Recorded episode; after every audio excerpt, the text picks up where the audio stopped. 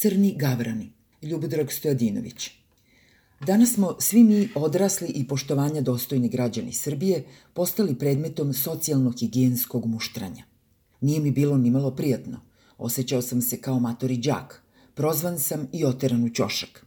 Mada sam izolovan i od sebe samog, uveren da je to bar na simboličkoj ravni moguće. Frontalnu grdnju je izrekao ekspert za epidemijske najezde, Goran Stevanović, pokušavajući da obrazloži nasušnost formiranja hermetičnog društva i optuži ga za kobne pukotine u željenoj izolaciji a samim tim i za tragediju koja neizbežno nadolazi i počinje masovno da kosi. Rekao je da sledi italijanski model umiranja, uzimajući na sebe tešku ulogu Vrana Gavrana, mitskog vesnika smrti. Posle kratke lekcije o disciplini, grupa lekara je u ljutitoj formaciji napustila konferenciju za medije u najtežem danu za Srbiju, kako su rekli. Odakle ta ideja da je dopuštena javna netaktičnost, pa i ljutnja na sve one u čije ime se ti ljudi inače ljute? Osim ako ovdašnje građanstvo nisu razumeli kao nerazumnu gomilu sa kojim se ne može izaći na kraj, čak ni uz pomoć teške ruke koja nije kod njih, a oni znaju kod koga je. I lekarima, a i gospodaru zaraze, izgleda nije poznat osnovni socijalni postulat. Slobodni ljudi ne mogu biti izolovani bez posledica, a i takva mera nije moguća ako je totalna.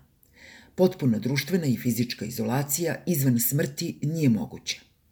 Imaju povoda, ali nemaju prava da se ljute na građane, pa ni na one koji svoju slobodu traže izvan razumnog poimanja svog života, možda ugrožavajući i druge – dužni su da pomognu svima i da potpuno objasne šta i koga sve može da ugrozi. Čak i one mere preduzete da masovno ugrožavanje zdravlja bude sprečeno, mogu da budu neopisivo opasne.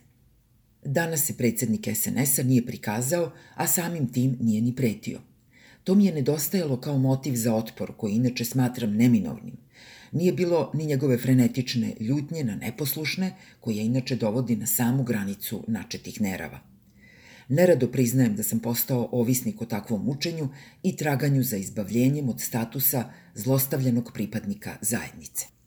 Probao sam da se izdignem iznad sveopšte građanske fragilnosti, gradeći sobstvenu na nekada čvrstoj platformi. Oprobavam se u ličnoj filozofiji primenjene ravnodušnosti. Ne nadam se ničemu, ne očekujem ništa, nema mi se šta oduzeti. Ovo nije defetizam, nego jedno od mogućih poimanja ništavila. Jedino u njemu je moguće pristajanje na sve. Ili uz jednostavnu primenu epikurejske odbrane od nestajanja. Smrt i ja nemamo ništa, niti se možemo sresti. Tamo gde sam ja, nje nema, tamo gde je ona, nema mene. Naravno, ovo nije predložak za odbranu i od ovakvog života, nego samo misaoni stav prema onima koji ga određuju. Građani koji su još živi, ne smeju da pristanu na sve. Oni moraju da budu učesnici odluka koje se tiču njihove sudbine, a ne predmeti. Bolest je privremena, socijalna smrt bi uz fizičku mogla da bude večna. Autor ovih redova, ako je to bilo kome važno, jeste uveren da je samoizolacija nužna, a broj kontakata mora da bude minimalan. To je stav struke koja se razbesnela i na svoje nestašne, a i na poslušne pacijente – Badava ste me danas gradili, doktore Stevanoviću, osim kad nešto moram da kupim, ne družim se više sa ljudima. Sa jednom mačkom, na pristojnoj distanci, da. Hoću da kažem, ne prede mi na jastuku. Jesam li ja u manjini? Pouzdano znam da nisam. Sve što je ljudsko, postalo mi je strano. Mene brine logorska ideja, potekla od struke, da policijski čas bude opšti, neprekidni, bez pukotine i izuzetaka.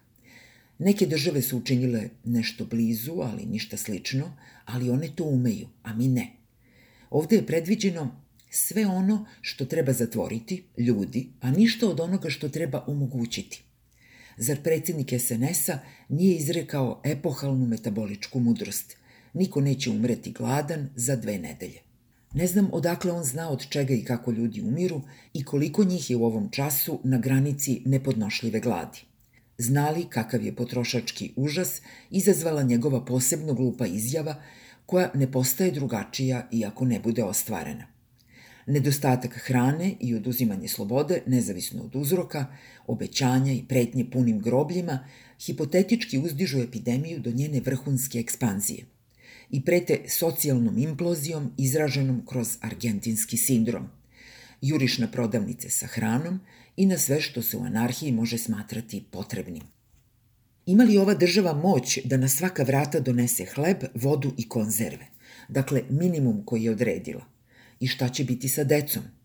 Pitanje za vas, junaci pobede nad virusom i zatočenim ljudima i psima. Danas jeste bio težak dan, verujem doktoru Stevanoviću da dolaze još teži, ali neka za sve to ne okrivljuje nas – Nismo mi doveli virus ovde, niti se zajebavali s njim. Nismo mi širili paniku od masovnih smrti i ohrabrenja da svega ima, a zatim i presudni strah od nestašica. Ljudi su u ogromnim redovima, čekaju da nabave bilo šta, ali ih nisu oni napravili. Zamislite stampeda gladnih i besnih, kada vlažni san gospodara zaraze postane stvaran, pa se jednom i okonča. Niko nije kriv što neozbiljne i nedostojne ljude koji ih ne poštuju, preziru i mrze, građani ne shvataju ozbiljno. Grupe koje bahato krše osnovna pravila nisu opšti nego komunalni problem.